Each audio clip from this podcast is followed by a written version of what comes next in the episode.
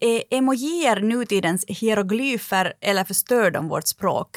Och hur stor del av vår identitet är just språket? Det här är Vetskap, en podd om färsk forskning.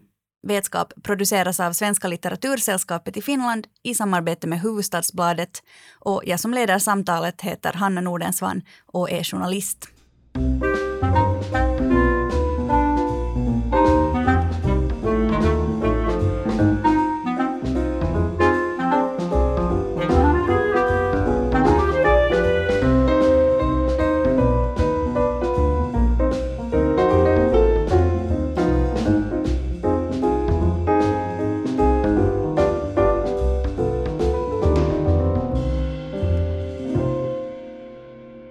Dagens ämne är alltså språk och nya sätt att använda det på.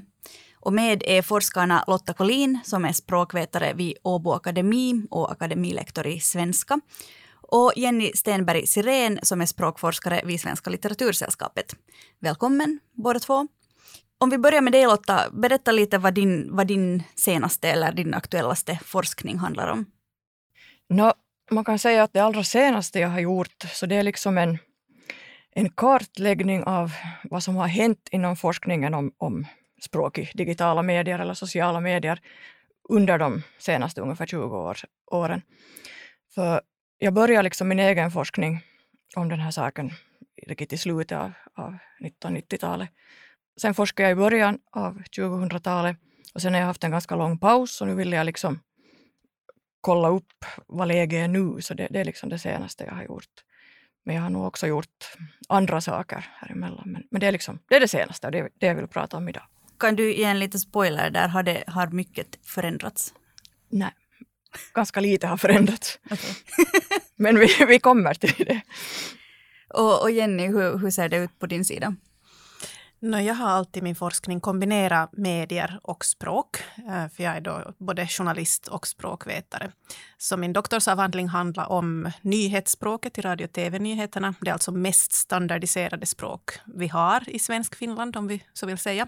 Och nu forskar jag då, jag har riktigt just inlett ett forskningsprojekt som handlar om ungas språkbruk i sociala medier. Så jag tänker mig att vi rör oss på den här normativa skalan ganska mycket här. Men, men mitt forskningsintresse är liksom uttryckligen språk i medier. Och det ska vi också prata om en del idag. Men jag vill börja med att lite nu, jag vet att ni är båda språkforskare, men jag vill nu filosofera här lite och tänka så här att språket är ju liksom, det är liksom en kod och, och den som förstår eller kan knäcka den här koden kan delta i diskussionen. Och, och då undrar jag alltså, hur, hur det ser ut idag, hur tillgängligt språket är för alla. För det är ju på något sätt viktigt i en demokrati att, att alla kan använda samma kod och i och med just att, att språket online till exempel har ändrats så mycket och påverkar också vårt vardagsspråk. Så hur, hur skulle ni säga då, hur tillgängligt är vårt språk, vår svenska i Finland idag? No, det är ju en ganska stor fråga du ställer. Um, det beror lite på vad man menar med tillgängligt. Ehm, I dagens läge har ju alla möjlighet att uttrycka sig på ett helt annat sätt än tidigare via alla dessa sociala medier som finns. Så på det sättet är ju kan säga, möjligheten att uttrycka sig är väldigt tillgänglig. Sen finns det ju mycket studier om att, att eh, speciellt då svenskan i Finland eh, kanske inte mår så bra, att ungas eh, svenska vacklar på många håll och att finskan påverkar mycket och att engelskan påverkar mycket. Och, och då tänker jag på det du sa, det här med att samma kod. Eh, att vi använder ju inte samma koder. Vi har väldigt många olika koder som används i många olika sammanhang. Och det som det ju handlar om är att kunna behärska dessa olika koder och använda dem på rätt sätt och i rätt sammanhang. Då har man liksom en tillgänglig repertoar av språk. Precis, jag håller precis med. Det, det kanske är liksom det viktigaste om man ska kunna delta i, i olika diskussioner och liksom göra sig hörd i olika sammanhang, så är att man vet vilken norm som gäller just där, vad som liksom förväntas av ens språk där, för det är ju väldigt olika i olika sammanhang. Man kan inte skriva uppsatser och man kan inte skriva tidningsartiklar eller ens eh, såna här debattinlägg till tidningar på samma sätt som man skriver på Instagram eller, eller Facebook eller så här. Det, är liksom, det finns en väldigt stor variation och, och för att man ska kunna hänga med så ska, måste man nog liksom ha koll på lite vad som lämpar sig i vilket sammanhang. Mm. Är det just det där liksom eh, online-språket som är en tröskel som finns kvar eller vad, vad, skulle ni säga att finns kvar av sånt som, som utesluter människor från språket eller från det gemensamma liksom, språket som vi uttrycker oss på, till exempel om man vill skriva en insändare? Jag skulle kanske säga att online-språk, det för det första finns det inte nödvändigtvis någonting sånt, utan det finns många olika språkliga koder också digitalt. Um, I dagens läge använder ju alla nästan internet och olika digitala plattformar, också, också äldre. Så att det är ingenting vi kan heller koppla direkt till yngre.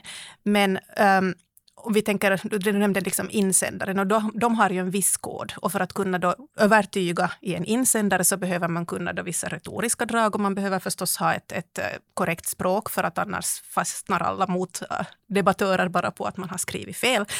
Uh, och, och, man får inte fram sin poäng. Och man behöver ha ett tillräckligt stort ordförråd. Och, och gäller det Finland så finns ju alltid den här risken att man inte kanske behärskar alla ord på svenska, utan att man kanske kan den bara på finska. Och, och därför är ju liksom språkvården och de svensk, svenska medierna i Finland väldigt viktiga, just i och med att de för fram eh, korrekt terminologi på svenska för finländska fenomen.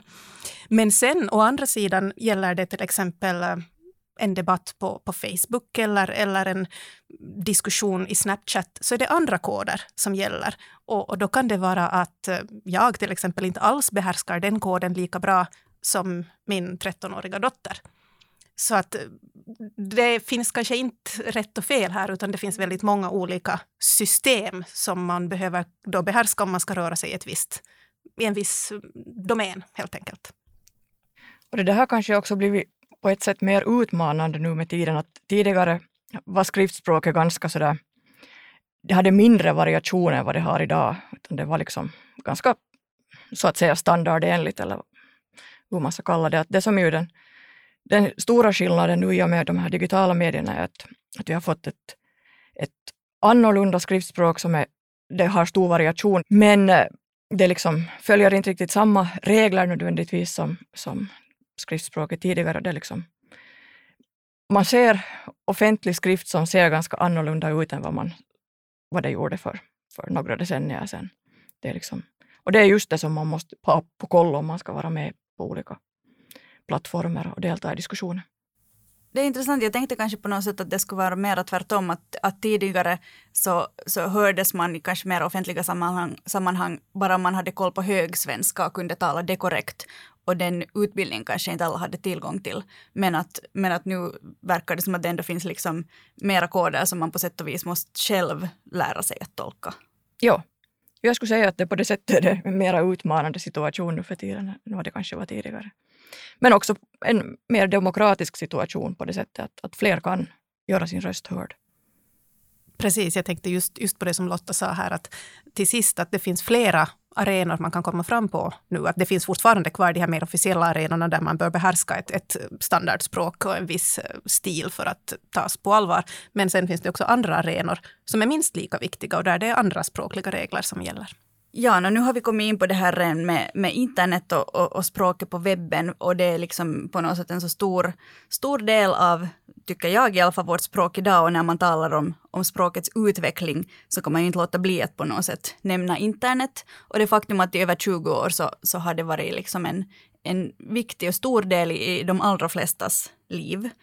Hur på en lite så här bredare skala skulle ni säga att, att internet har påverkat vårt språk? Är det så där jättemycket som jag i alla fall upplever att det har?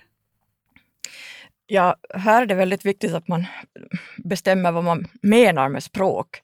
Alltså om vi tänker på vårt svenska språk liksom som system med vissa grammatiska regler och möjligheter att kombinera ljud och ord och, och så vidare, ordförråd och så, så, så det systemet förändras ganska långsamt det, det sker förstås förändringar, men, men de sker ganska sådär i en långsam takt.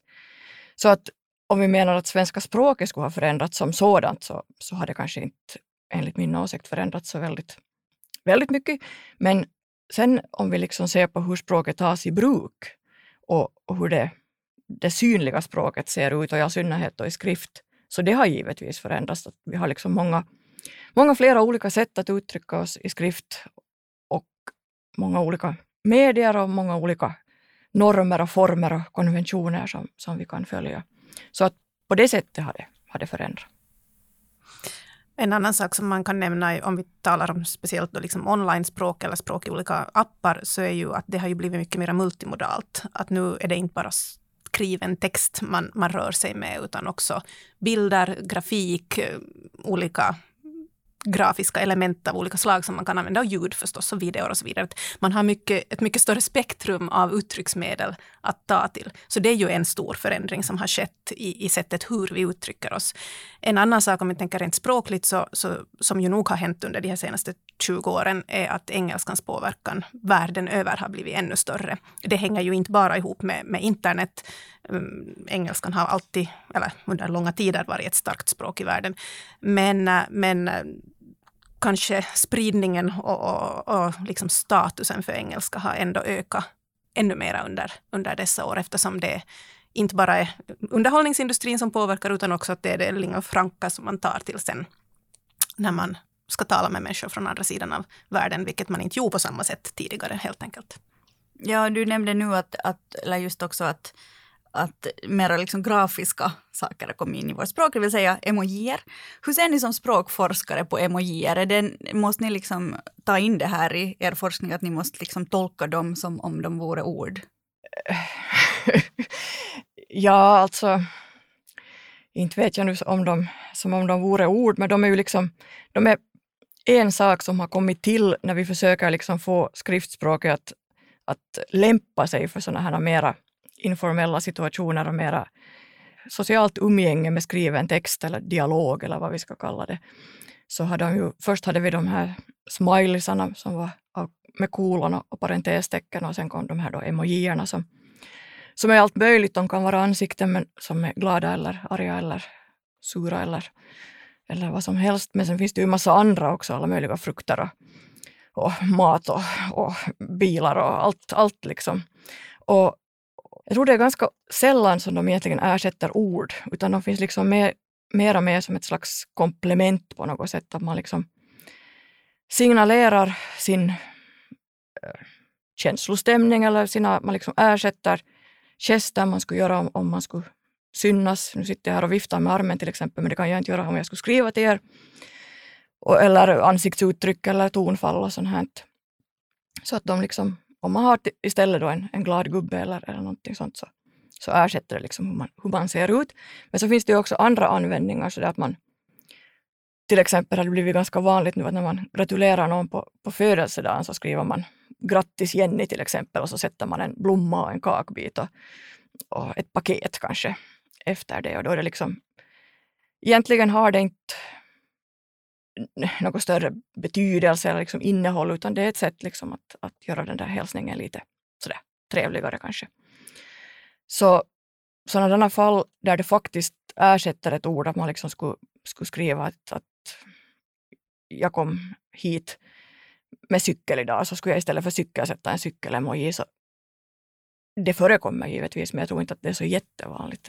Eller det har åtminstone inte, inte jag märkt i min forskning. Mm, jag försöker komma på några andra exempel än äggplanta och persika som används som, helt som ord i alla fall, tycker jag. Min telefon har åtminstone börjat föreslå emojier istället för ord, mm. har jag mm. märkt i den här stavningshjälpen. Eh, det som jag kommer att tänka på ändå som komplement till det som, som Lotta sa, att så som de emojier ju också används, är som för att förstärka på ett sätt den här undertonen. Att man kan skriva någonting till exempel väldigt positivt men visa via emojier att man egentligen är ironisk eller, eller så här att man skämtar. Att på det sättet så, så bidra, kan de bidra med rent innehållsmässigt fastän de kanske oftast är bara visuella komplement till det man redan egentligen har sagt. Typ en kaka i samband med en födelsedagsgratulation.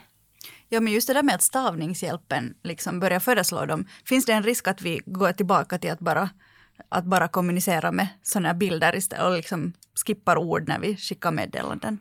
Nej, det tror jag nog inte. Nej, det, det, tror jag inte heller. Det är nog ganska långt till det, för det, det, är ganska mycket som de ändå saknar. Alltså, det är svårt att, att prata till exempel om dåtid och framtid eller, eller annat sånt här som vi behöver uttrycka med hjälp av våra bilder. Så att.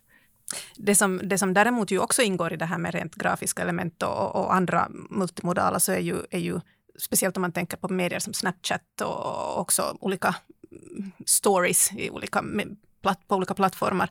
Det här med, med bilder och videor som man sen kompletterar med texter och emojier och andra grafiska element. Och det har ju blivit som en sorts helt ny form för att kommunicera och där är det ju där är texten bara en liten del av hela kommunikationen. Och det här tycker jag är jättespännande och det är just det som jag kommer att bland annat se på i min forskning. Att hur väljer man att uttrycka sig i olika sociala medier, där jag då kommer att se på, på Snapchat och Instagram och WhatsApp, att där också mediet i sig delvis styr in till ett visst sorts kommunikativt mönster, eh, men också förstås mottagaren och, och, och där de olika, olika medierna på ett sätt har olika normer man förväntas uttrycka sig på ett visst sätt i ett visst medium. Och, och det här är ju ganska nytt och det här, här är det ju då uttryckligen unga som skapar de här nya normerna. Och, och det tycker jag är jättespännande. Mm. Och till det här hör ju kanske också liksom memes och förkortningar och uttryck och LOL och så här. Uh, Lotta, du, du publicerade för no, en, några år sedan um, en, en undersökning eller en, en analys där du jämförde diskussionsforum på webben 2001, 2006 och 2011. Vad kan du, eller berätta lite om den här liksom jämförelsen, hur såg du att det utvecklades? Jo, det var så alltså min doktorsavhandling som, som blev klar 2005 så, så materialet till den samlade jag in 2001.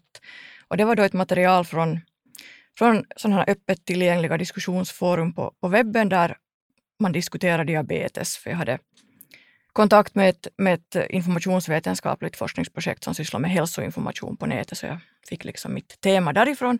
Jag tyckte att det var ganska behändigt för att diabetes är liksom något som, som drabbar folk i, i alla olika åldrar och, och påverkar livet på ganska många olika sätt. Så, så det blir liksom ganska sådana här bra diskussioner om det. Eller ganska ett bra material för att, för att se hur man, hur man diskuterar på nätet. Och det som var liksom min, det som jag ville få fram då i doktorsavhandlingen var den här variationen som Jenny också har varit inne på här tidigare, att, att språket på nätet så ser absolut inte likadant ut i alla sammanhang, utan det finns en jättestor variation. Men då när man börjar forska kring kring det här, så där runt millennieskiftet ungefär, så, så var det ganska vanligt att man, man så där drog allt över en kam och sa att man pratade om netspeak eller internetspråk och så vidare. Och man liksom tänkte inte på att det ser olika ut. Så det var liksom då min grej i doktorsavhandlingen att visa på den här variationen som, som fanns beroende på deltagarnas ålder och, och syfte med kommunikationen. Om det handlar liksom om, om informationsutbyte så skrev man på, på ett mer konventionellt sätt än om man bara hälsade till varandra och liksom umgicks socialt i, i de här diskussionerna. Men sen sades det ju ganska ofta liksom att, att den här forskningen blir genast föråldrad för att utvecklingen är så snabb. Så att det är liksom egentligen helt meningslöst att forska i, i språk på nätet för att det följande vecka så, så är det gammal information. Så, så då gjorde jag egentligen i två repriser så gjorde jag liksom en uppföljning av min min doktorsavhandling så att jag samlade in material från samma diskussionsforum men, men de först med fem års, eller efter fem år, så att det var 2006 och sen efter tio år 2011. Och då ville jag liksom, jag ville visa, eller min förhoppning var att jag skulle kunna visa att, att det inte hade hänt så hemskt mycket. Och, och, och då lite vartåt utvecklingen i så fall hade gått om, om det fanns någon sån. Och, och det jag då kom fram till var att att de här forumen hade visserligen liksom sådär designmässigt eller grafiskt sett så hade de lite utveckla sig, att de såg lite annorlunda ut. Men eh, språkligt sett så, så hade de förändrats ganska lite egentligen. Och i den mån de hade förändrats så om vi nu tänker liksom på sånt här som konstiga stavningar för att betona någonting eller annars vara kreativ eller att man använder väldigt många utropstecken eller punkter och sånt här. Så, så det hade liksom minskat under de här tio åren. Att det fanns mera sånt i början när man liksom började använda de här diskussionerna och liksom kanske testa lite hur man, hur, man, hur man skulle uttrycka sig där. Och sen kom, uppkom det liksom en, en norm för hur man skrev där och den, den gick snarare mot det mer konventionella än, än, än mindre konventionella. Att det enda som hade ökat så var var smilisar eller emojier som det fanns också då i de där nyare materialen. Så, så sådana kom det lite mer. Och det här gällde också, jag hade liksom delat in det i, i forum som, där det var mest vuxna som diskuterade i den mån man kunde avgöra vilken ålder de hade. Och sen ett annat forum där, där det var ungdomar som, som jag räknas som sådana som var 24 år eller yngre som, som deltog. Och också i det här ungdomsforumet så hade det liksom blivit mera, mera standardenligt skriftspråk. Alltså det var inga enorma förändringar men åtminstone hade det inte blivit, blivit mindre standardenligt med tiden. Och, och överlag så hade man liksom börjat fokusera också mera på att diskutera faktiskt det här ämnet, sin sjukdom och alla de saker som hör ihop med det. Så jag antar att man liksom hade börjat använda sen andra medier för, för det här sociala. Och där, där, där skrev man säkert på ett annat sätt sen. Så att, det är ändå lite så, överraskande. Så, mm. Men, men just att man sen kanske då har börjat använda andra medier och som du redan Jenny tidigare sa att, att man um, beroende på plattformen så, så använder man kanske ett annat språk och det är någonting som du tittar på just nu, hur unga språk skiljer sig inom till exempel WhatsApp och Instagram och Snap och så här. Uh, du har ganska nyligen börjat forska i det här men är det någonting, kan du redan nu säga någonting? Uh, jag kan kanske inte säga, säga så jättemycket ännu, uh, men, men det, där, um, det finns ju väldigt mycket forskning om i dagens läge, speciellt om, om olika sociala medier. Men de facto alltså ganska få som tittar på, på hur det där faktiska språkbruket ser ut. Och, och, en utmaning där är ju att det är väldigt otillgängligt material. Till exempel att undersöka Snapchat så, så betyder ju att jag behöver hitta informanter, alltså unga människor då som jag kan samarbeta med och som går med på att skicka sitt material till mig för att jag kommer inte åt det annars. Så det här är ju ett, ett väldigt, på det sättet krävande forskningsprojekt. Men det som jag också tycker att är jätteintressant för att jag vill också diskutera med dem. Jag vill inte bara studera med mina medelålders ögon vad de gör utan jag vill också få dem att berätta att varför gör de på ett visst sätt för att också få fram den här liksom, metaspråkligheten och varf- vet de vad de gör, hur, hur medvetna val är det? Uh, och kunde de tänka sig att göra på ett annat sätt eller skulle det i så fall bryta mot några normer? Att få fram, på det sättet få fram de här normerna som gäller. Um, det är ju ett väldigt stort forskningsområde och mycket har ju forskats i sociala medier överhuvudtaget. Liksom, ni har säkert kanske i en annan podd talat om, om diskussioner, debatten, hur man uttrycker sig, vad man får säga och inte får säga i dagens värld, vilket ju har förändrats mycket på de här 20 åren. Mm, men också hur man mår av att använda sociala medier, till exempel Snapchat är ju ett sånt medium där man, många i alla fall, förväntar sig att få ett svar direkt. Och, och det kan också tolkas sen som väldigt negativt ifall man inte svarar kompisen direkt och så vidare. Det finns väldigt många olika aspekter på det här. Men, men något resultat eller så kan jag nog inte komma med efter, mm. efter ett par månader. Men, men det, det sa du ju redan det här att man kan ändå liksom säga att att man, man uttrycker sig på olika sätt beroende på mediet. Både beroende på mediet och beroende på vem man talar med och beroende på vad man talar om. Också lite som Lotta var inne på här, att i ett diabetesforum där det ändå är ganska seriösa saker man talar om, så det kan också synas i språket. Det finns mycket forskning till exempel om när man använder mer dialekter och när man använder standardspråk och där standardspråk används i mer officiella sammanhang.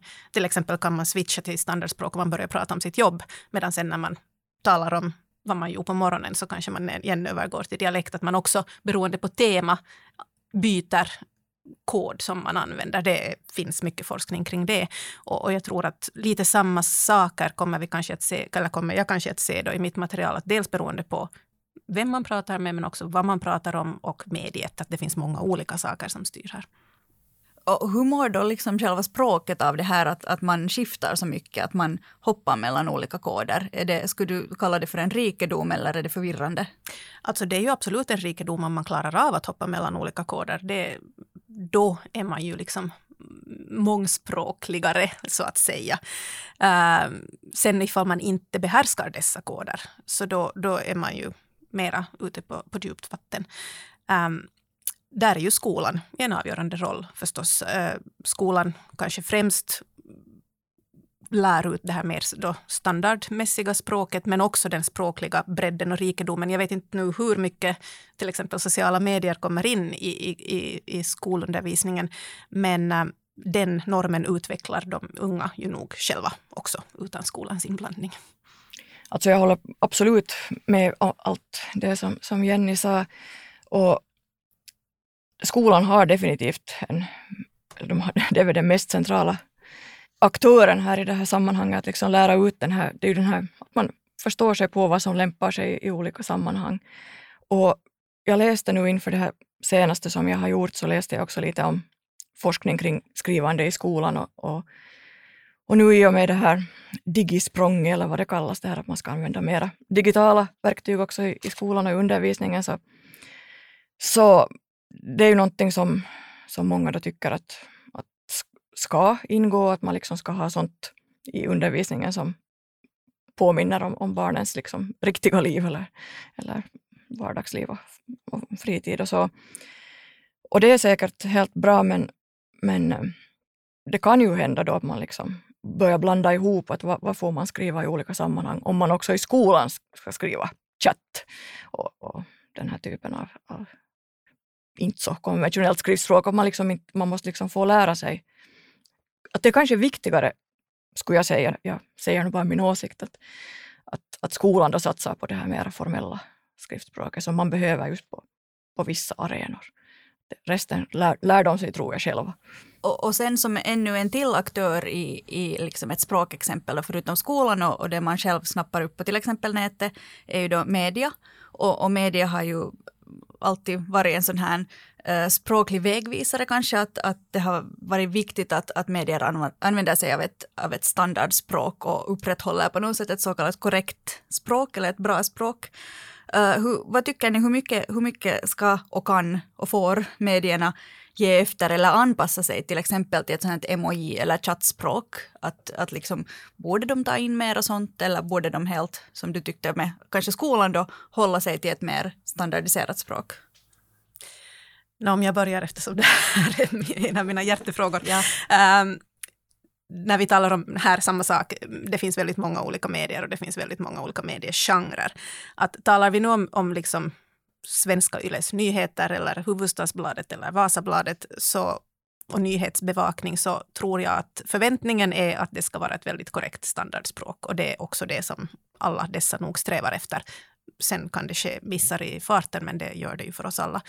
Eh, sen talar vi om en annan sorts, jag menar talar vi om Radio Extrem till exempel, så tror jag inte att Radio Extrem skulle nå fram till en enda finlandssvensk ungdom om de skulle prata som de pratar i riksnyheterna. Att, att här finns det ju också väldigt många olika genrer och, och målgrupper och, och, naturligtvis måste man anpassa språket därefter. Språket förändras ju hela tiden och medierna är ett väldigt bra ställe där denna förändring får och ska höras, märkas, synas. Eh, det här leder ju ofta till debatt, för att eh, det som jag lärde mig i skolan är ju för mig det enda korrekta språket och allt som bryter mot det så är fel.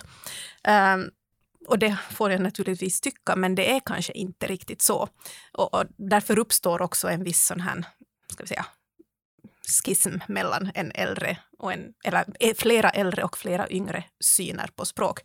Um, när det sen gäller medierna använder ju också dessa nya sociala medier och, och tar efter den språkliga modell som används där. Så i till exempel då svenska Yles Snapchat-kanaler, om, om de har sådana, jag vet inte ens, men åtminstone Instagram och så här, så används ju den stil att berätta som, som man använder på Instagram.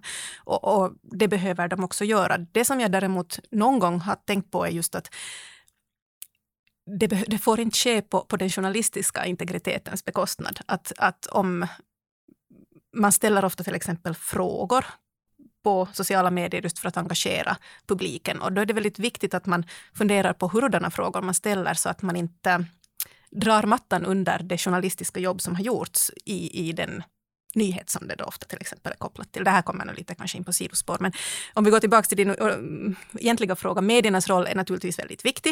Uh, sen är ju frågan vilka medier tar de unga del av. Att det kanske inte Vegas nyheter som, som en 15-åring lyssnar på. Och då får de ju inte nödvändigtvis den modellen. Att här skulle ju vara oerhört viktigt att um, de finlandssvenska medierna skulle nå fram också till unga. Och jag vet ju att de jobbar väldigt mycket på det.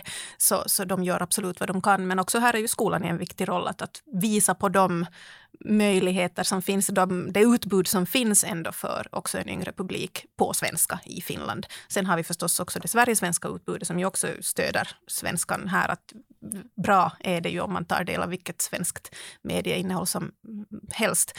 Uh, många unga tittar ju nästan enbart på engelska program via då något, något, någon, någon, kanal, Netflix eller så, och lyssnar på mest engelskspråkig musik. Så att den liksom engelska språkliga modellen och påverkan är ju väldigt stor.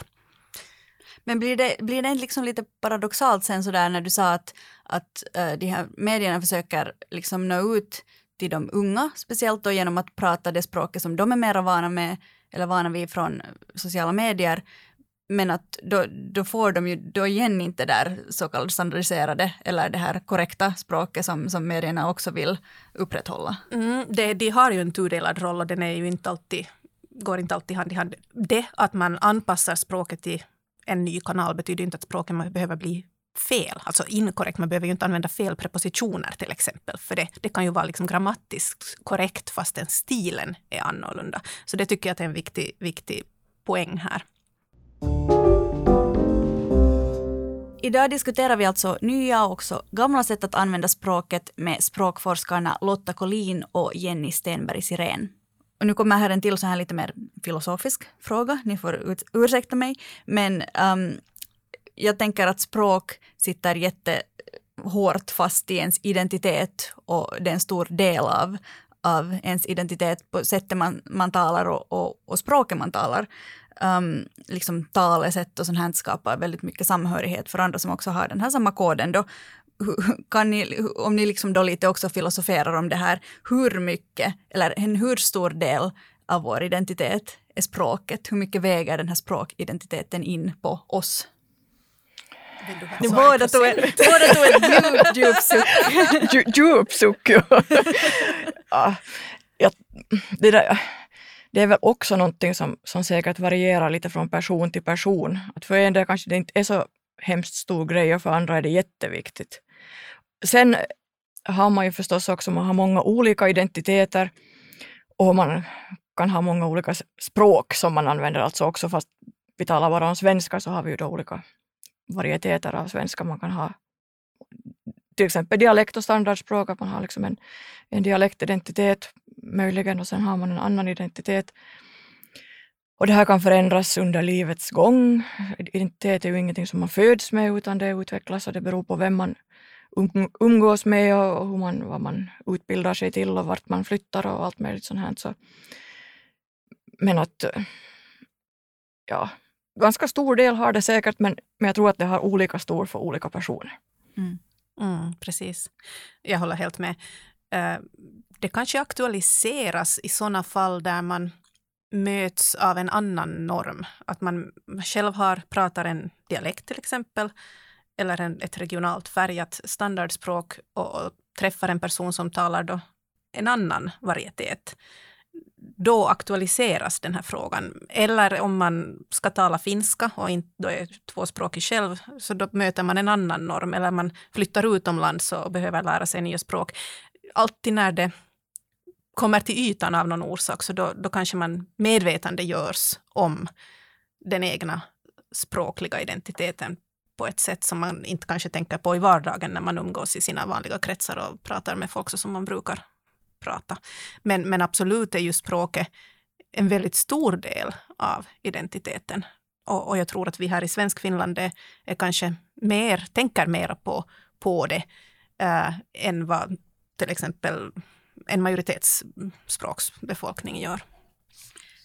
Precis, och nu har ni ju båda nämnt det här med engelskan, att engelskan um, kommer in allt starkare i våra liv, i våra språk.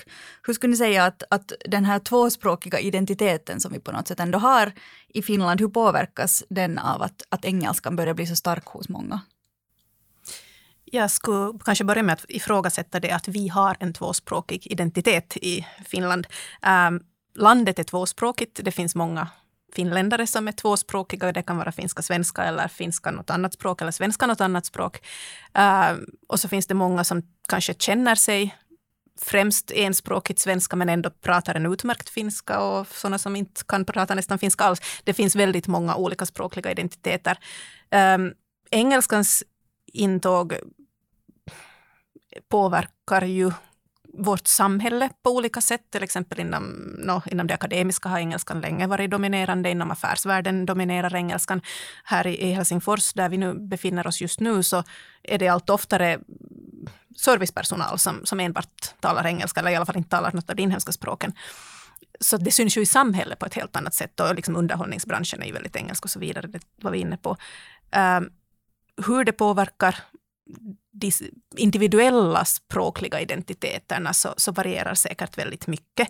Uh, vissa inte alls, vissa kanske mera jag har alltså då intervjuat unga för en tidigare studie jag har gjort. Och, och, där kändes ju nog engelskan väldigt nära för många av de intervjuade. Egentligen oberoende av om de hade finskan i sitt, för det här var då svenskspråkiga jag intervjuat, oberoende av om de hade finskan i sitt liv eller inte, så var oftast nog engelskan väldigt lätt att ta till i olika sammanhang.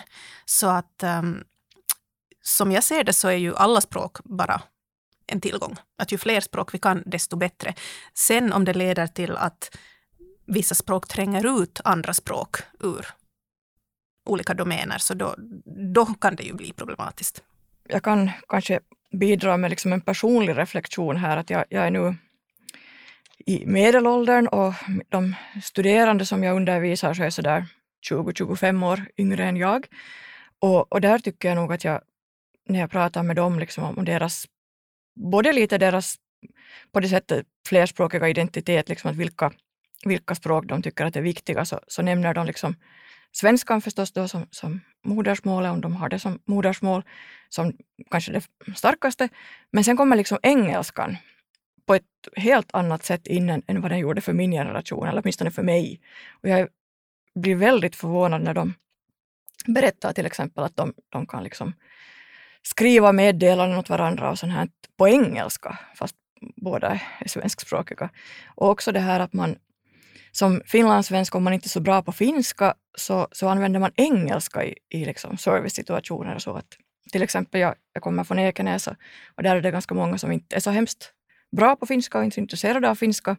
Så de har liksom berättat om när de åker till Helsingfors så, så pratar de engelska i butiken. Och det skulle jag inte ha kommit på någonsin att göra när jag var i den åldern. Alltså, och inte nu heller, utan då pratar jag nog hellre min lite skraltiga finska. Mm, precis, så, så det är någon slags generationsskillnad tycker jag. Absolut.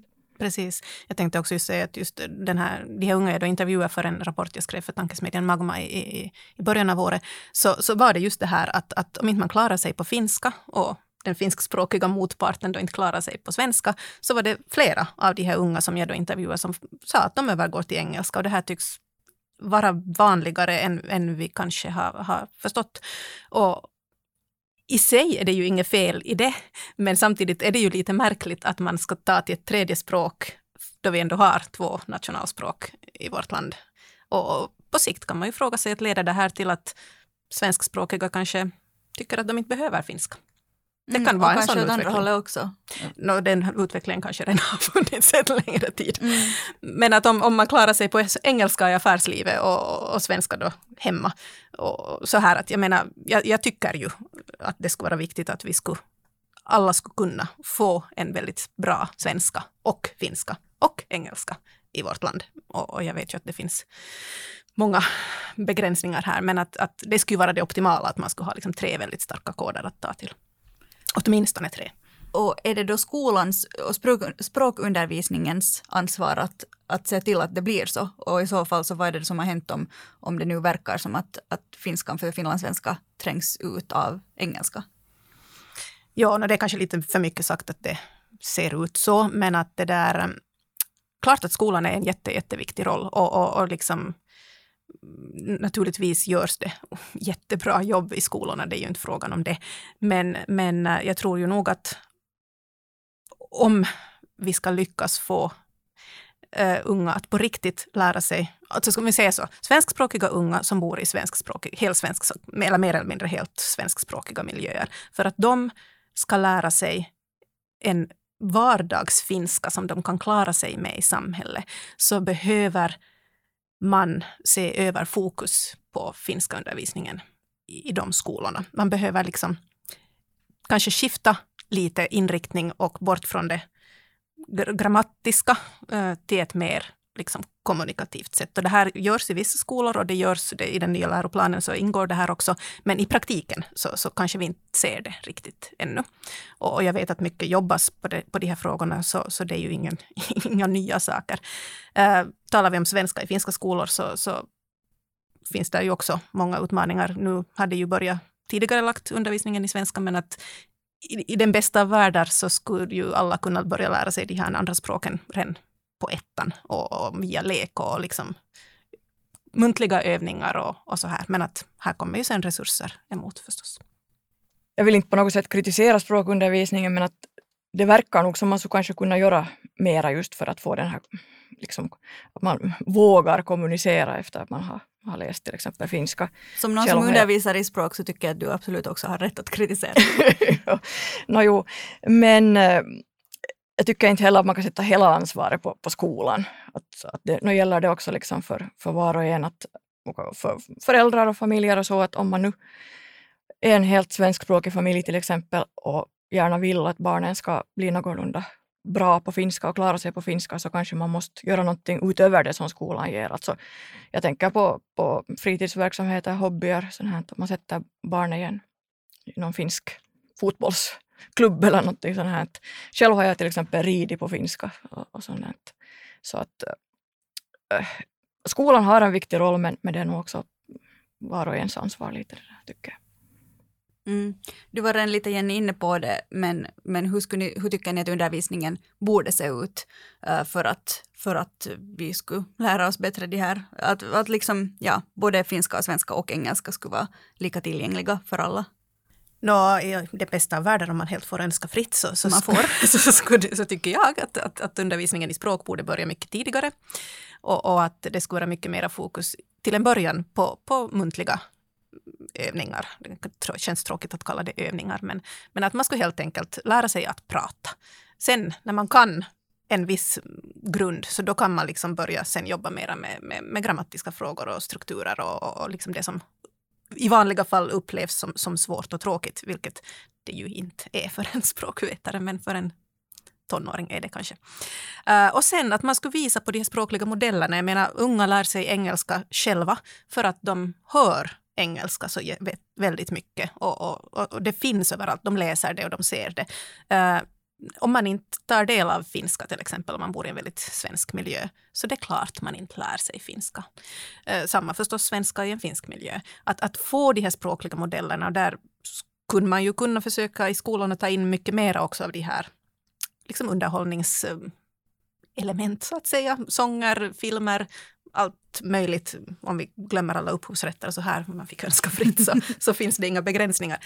Men det där eh, språkliga modeller och, och eh, egen, egen produktion, så att säga. Så det, det är ju nog det viktigaste, tycker jag. Om vi avslutningsvis ännu lite då spekulerar, filosoferar. Uh, vi har konstaterat att, att engelska kommer in i, i våra liv allt mer och flerspråkigheten ökar. Det är liksom mer mångfald och man talar också om, om att dialektutjämning, att det är en, en trend.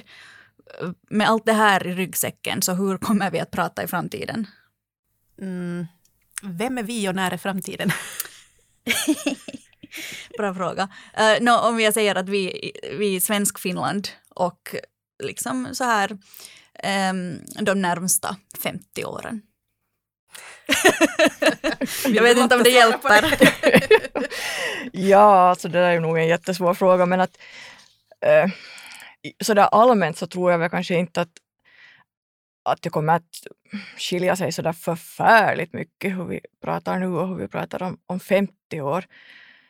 Alltså det är ju samma sak som vi har pratat om tidigare, att, att variationen kommer förstås att bestå. Att alla människor pratar inte på samma sätt och var och en pratar inte på samma sätt i alla situationer eller i alla åldrar eller så vidare. Så på det sättet kan man liksom inte ge ett svar på hur vi kommer att prata om 50 år, för vi kommer att prata på lika många olika sätt som vi, som vi pratar idag.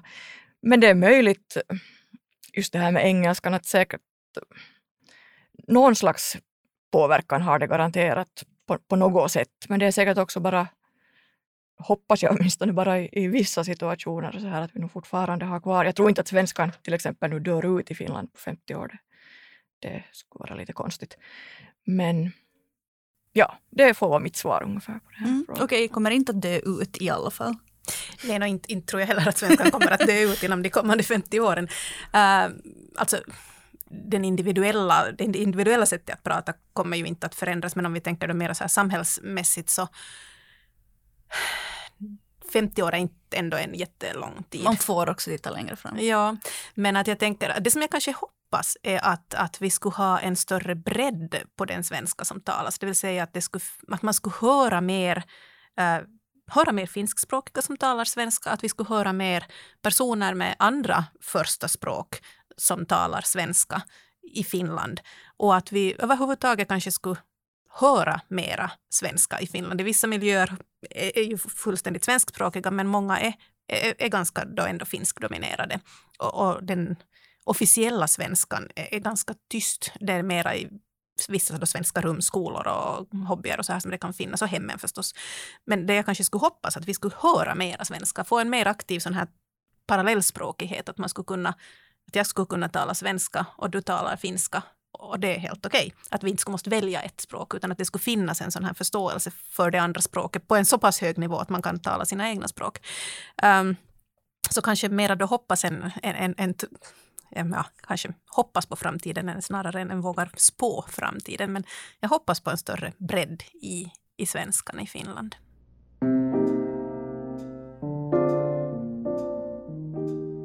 Här var ett avsnitt av podden Vetskap. Jag heter Hanna Nordensvan och gäster idag var forskarna Lotta Collin och Jenny Stenberg Siren. Tack så mycket för att ni var med. Producent för den här podden är Nina Edgren Henriksson och ansvarig redaktör är Marika McLean. För tekniken i Helsingfors stod Tage Rönnqvist i Eva Lingon ABs studio och ljudet i Åbo sköttes av Henry Neumann på Booksound Studio. Vetskap produceras av Svenska litteratursällskapet som är en av de stora forskningsfinansiärerna inom humaniora och samhällsvetenskaper i Finland och av Hufvudstadsbladet som är Finlands största dagstidning på svenska. Tack för din uppmärksamhet.